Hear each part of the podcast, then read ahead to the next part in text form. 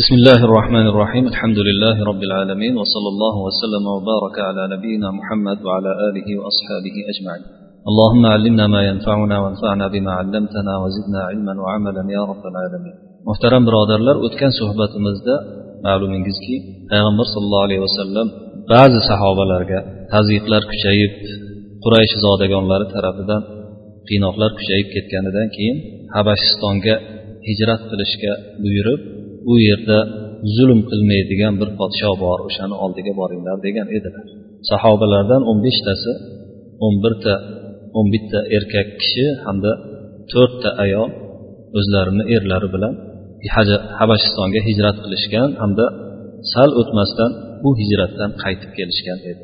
O'shani sababiga kelib to'xtab qolgan edi. Muallif ibn ishoqdan naql qilar ekan o'sha sababni aytib shunday deydilar. وسبب ذلك أن رسول الله صلى الله عليه وسلم قرأ سورة النجم فلما بلغ أفرأيتم اللات والعزى ومناة الثالثة الأخرى ألقى الشيطان في تلاوته تلك الغرانيق العلا وإن شفاعتها لترتجى. فقال المشركون ما ذكر آلهتنا بخير قبل اليوم؟ وقد علمنا أن الله هو الذي يخلق ويرزق. ولكن آلهتنا تشفع عنده. فلما بلغ السجدة سجد وسجدوا معه المسلمون والمشركون إلا شيخا من قريش رفع إلى جبهته حصا فسجد عليه وقال يكفيني هذا. فحزن النبي صلى الله عليه وسلم حزنا شديدا وخاف من الله خوفا عظيما. فأنزل الله تعالى وما أرسلنا من قبلك من رسول ولا نبي إلا إذا تمنى ألقى الشيطان في أمنيته الآية. Buni sababi ya'ni rasululloh sollallohu alayhi vasallamni o'sha o'n beshta sahobasini sahobalarini habashiston hijratidan qaytib kelishlariga sabab shu ediki rasululloh sollallohu alayhi vasallam bir kuni najm surasini o'qidilar.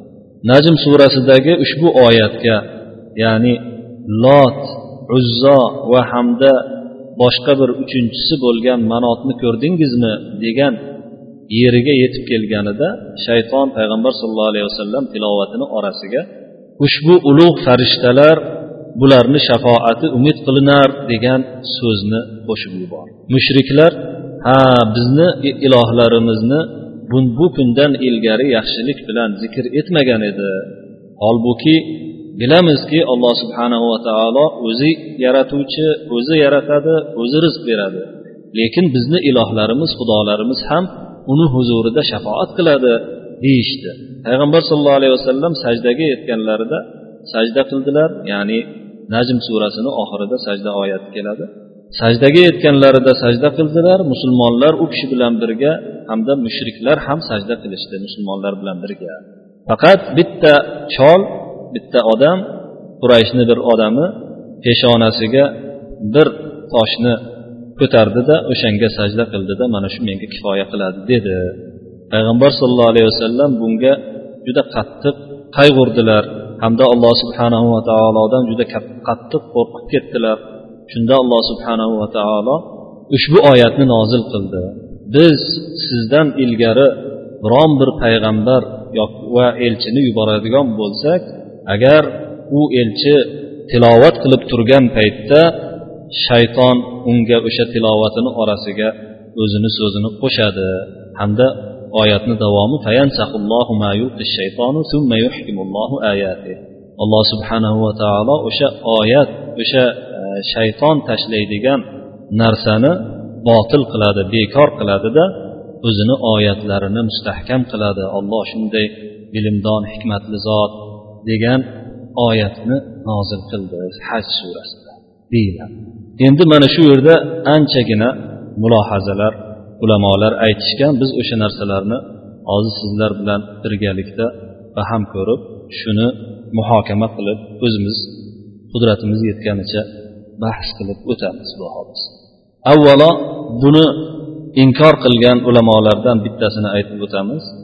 Inkor qilgan ulamolardan biri hozirgi zamon ulamolaridan siyra to'g'risida kitob yozgan kishilardan hisoblanadilar. O'sha yigirmanchi asrni boshlarida yashab o'tgan shayx muhammad al hudaribek deb ataladi u kishi. Bilasizlar u kishini nurul yaqin degan kitoblari bor. O'sha kitoblarida bu kishi shuni qattiq inkor etadi. Shu kishini gaplarini aytib keyin biz ilgarigi ulamolarni so'zlariga o'tishni men o'zimcha lozim ko'rdim chunki bu kishini gaplari anchagina qattiq aytilgan bu kishi aytadilarki o'zlarini o'sha nurli yaqin degan kitoblarida. Muar ba'zi muarrixlar habashiston muhojirlarini qaytishlariga bir sabab qilib bitta bir hikoyani keltirishga juda berilib ketishgan. Hikoya shundan iboratki deb boyagi voqeani aytadi. Keyin aytadiki shayx e, muhammad bu hikoyani o'zi rivoyat qilish joiz emas. Va magar shu xohlagan topgan narsasini hech tasabbut qilmasdan tekshirmasdan topgan narsasini naql qilib qiladigan ba'zi bir idroki kamroqlar rivoyat qilishi mumkin. Mana biz sizga naql va aqldan dalillar keltiramiz. Buni botil ekanligiga bu hikoyani deydilar. Keyin hadisni aytib turib bu hadisni sanadi ham matni ham juda iztirobli san'at to'g'risida mana imom qozi iyoz o'zini shifo kitoblarida biron bir sahih ahlidan biron kishi bu hikoyani chiqarmagan biron bir e, ishonchli odam salomat san'at bilan buni rivoyat qilmagan deydilar.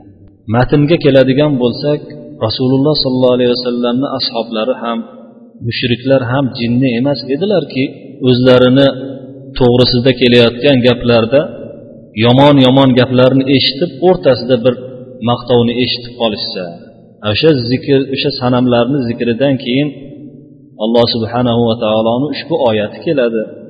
Bu narsalar sizlar o'zingizgina nomlab olgan ismlardangina iborat boshqa narsa emas o'zingiz va otalaringiz nomlab olgan. Olloh bu to'g'rida hech qanaqa hujjatni nozil qilmagan degan oyatni keltiradi. Demak xulosaga keladilarki gap o'zi bir tartibli kelmagan. O'sha yuqoridagi gapni qo'shadigan bo'lsak shayton qo'shib yubordi degan gapni o'zi mushriklar ham aniq bunaqa narsani ollohdan emasligini aniq bilib turar edilar degan ma'noda shunday shu narsa hosil bo'lganida kofirlar buni o'sha husumat paytida bir birlariga hujjat keltiradigan vaqtda juda katta o'zlariga dalil qilib olishgan bo'lar ediku. Ular biz mana yaxshi bilamiz ular shunaqa sarkashlikda qanday davom etdilar? Ularni oldida biron bir kichkinagina hujjat bo'lsa mahkam ushlab olar edilar. Bunga o'xshagan katta hujjatni ular albatta o'zlariga tirgak qilib dalil qilib olgan bo'lar edilar deydilar nurul yaqinni sohiblari mualliflari shayx muhammad al hudaribek keyin so'zlarini o'sha yuqoridagi oxirgi hujjatni keltirishda davom ettirib yana undan keyin aytadilarki ushbu iborani naql qilayotgan tarixchilar gaplarini orasida hijrat rajab oyida bo'lgan edi. Qaytish esa shavvol oyida uch oydan keyin bo'lgan edi. Najm surasini nozil bo'lishi ramazonda bo'lgan edi deydilar. Surani nozil bo'lishi bilan mushrik muhojirlarni habashistondan qaytishini orasida birgina oy farq bor. Ozgina o'ylab ko'radigan odam biladiki bir oy o'sha vaqtda makkadan habashistonga borib keyin qaytib kelishga kifoya qilmas edi.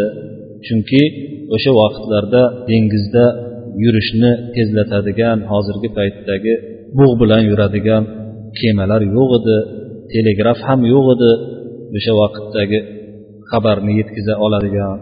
Shunday bo'lgandan keyin bu xurofot bir ahli havo ahli havoyi nafs ahli bo'lgan kishilarni to'qigan xurofotlaridan ekanligiga shubha qilmaymiz ajablanmaymiz deydilar muhammad al hudariy endi shu yerda o'sha muhammad al hudariydek inkor qilgan voqeani kimlar rivoyat qilganligini qaysi ulamolar aytganligini bir aytib o'tmasak bo'lmaydi.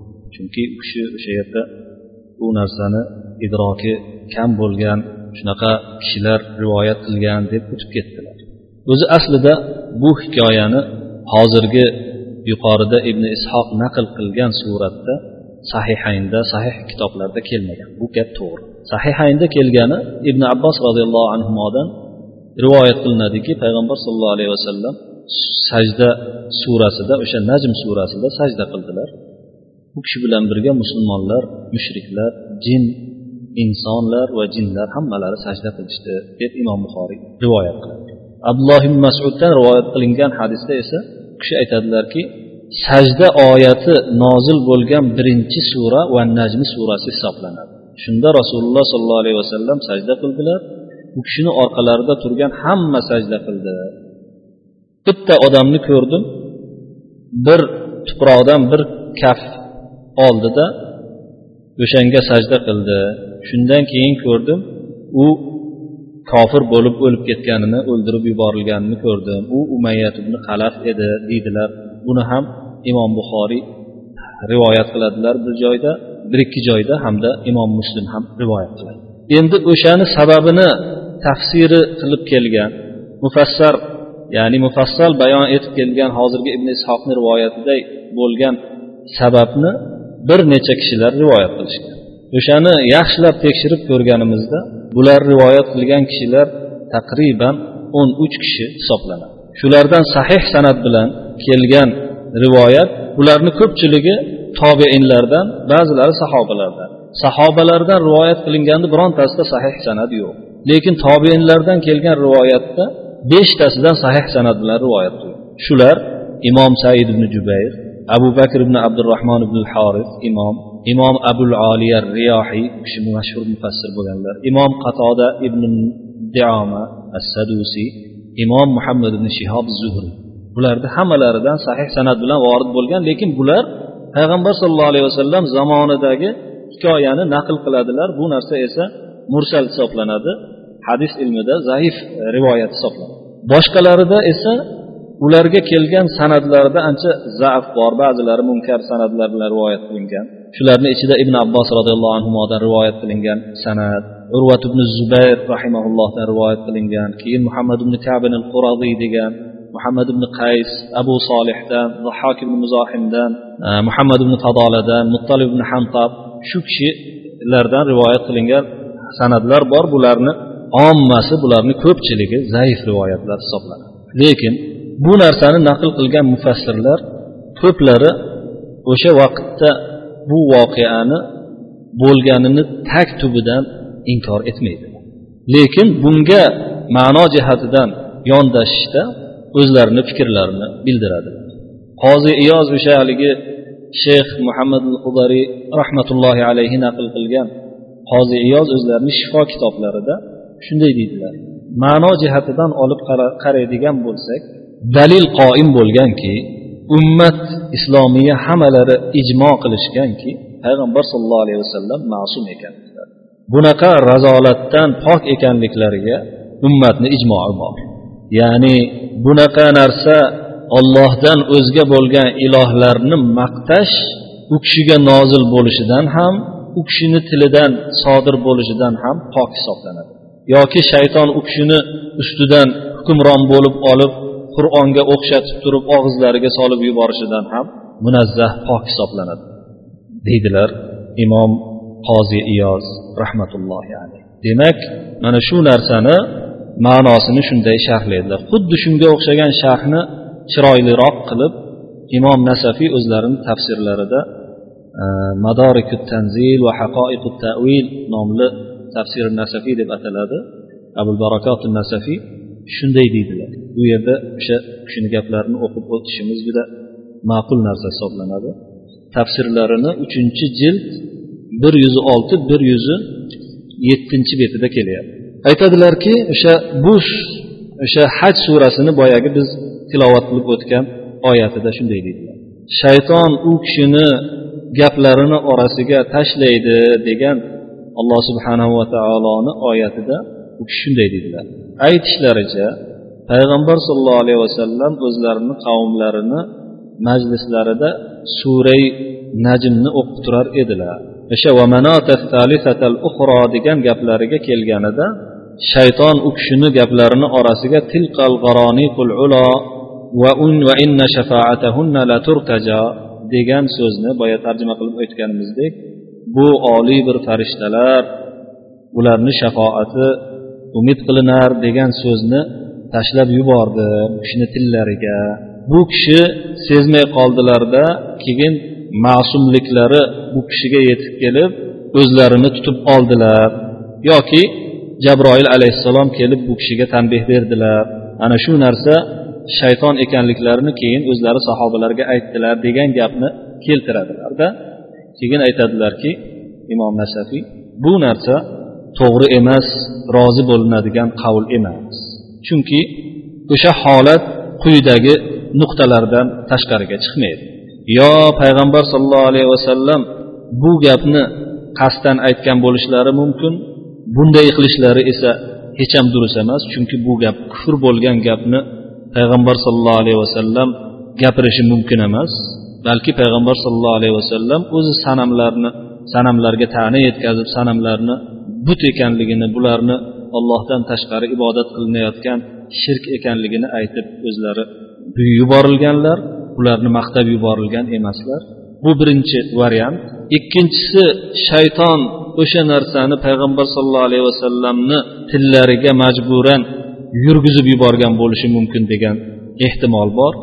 Shu darajadaki bu kishi o'sha narsadan qaytarib olishga o'sha narsani qaytarishga qudratlari yetmay qo'llaridan kelmay qolgan majburan tillaridan chiqib ketgan shaytonni nima qilishi bilan. Bu variant ham mumkin emas chunki shayton payg'ambar sallallohu alayhi vasallamga tugul payg'ambar sallallohu alayhi vasallam u yoqda tursin boshqalarga bunaqa qudratga ega bo'lmagan maxluq hisoblanadi. Alloh subhanava va taolo oyatda aytadiki inna ibadi laysa laka alayhim sulton deydi shaytonga meni bandalarim ustidan senga hech qachon hukmronlik yo'q deydi alloh demak payg'ambar sallallohu alayhi vasallam haqlarida bunaqa hukmronlik bo'lishi hech ham mumkin emas. Uchinchi variant bu narsa payg'ambar sollallohu alayhi vasallamni tillariga sahvan g'alat suratda bilmasdan yurib ketgan bo'lishi mumkin. Bu narsa ham mumkin emas payg'ambar sallallohu alayhi vasallamni haqlarida. Chunki bunaqa g'aflat payg'ambar sallallohu alayhi vasallamga vahiyni tablig'ida vahiyni yetkazishda durust emas. Agar shu narsa durust bo'lganda u kishini gaplariga suyanish mumkin bo'lmay qolgan bo'lardi botil bo'lgan bo'lardi chunki alloh subhanahu va taolo ham ushbu payg'ambar sallallohu alayhi vasallamga nozil bo'lgan narsani sifatida aytadiki la ya'tihil batilu min bayni yadayhi va la min khalfi. Qur'onni sifatlab alloh subhanava taolo aytadiki buni oldidan ham ortidan ham botil kela olmaydi. Keyin yana alloh taolo aytadiki inna nahnu nazzalna zikra va inna lahu lahaqibun biz ushbu zikrni o'zimiz nozil qildik. Uni biz qo'rajakmiz biz saqlayajakmiz biz himoya qilajakmiz deydi. Demak bu variantlar bu vajhlar botil bo'lgandan keyin bittagina vajhdan boshqa narsa qolmaydi. Bu vajh bu variant shundan iboratki payg'ambar sollallohu alayhi vasallam o'sha narsa bo'lgan vaqtda sukut qilib nafas olish o'sha qiroatdan to'xtagan paytlarida degandan keyin shayton mana shu gapni o'zini tilidan payg'ambar sallallohu alayhi vasallamni qiroatlariga ulab yuborgan. O'shanda mushriklar shuni payg'ambar sallallohu alayhi vasallam aytdi deb o'ylab qolgan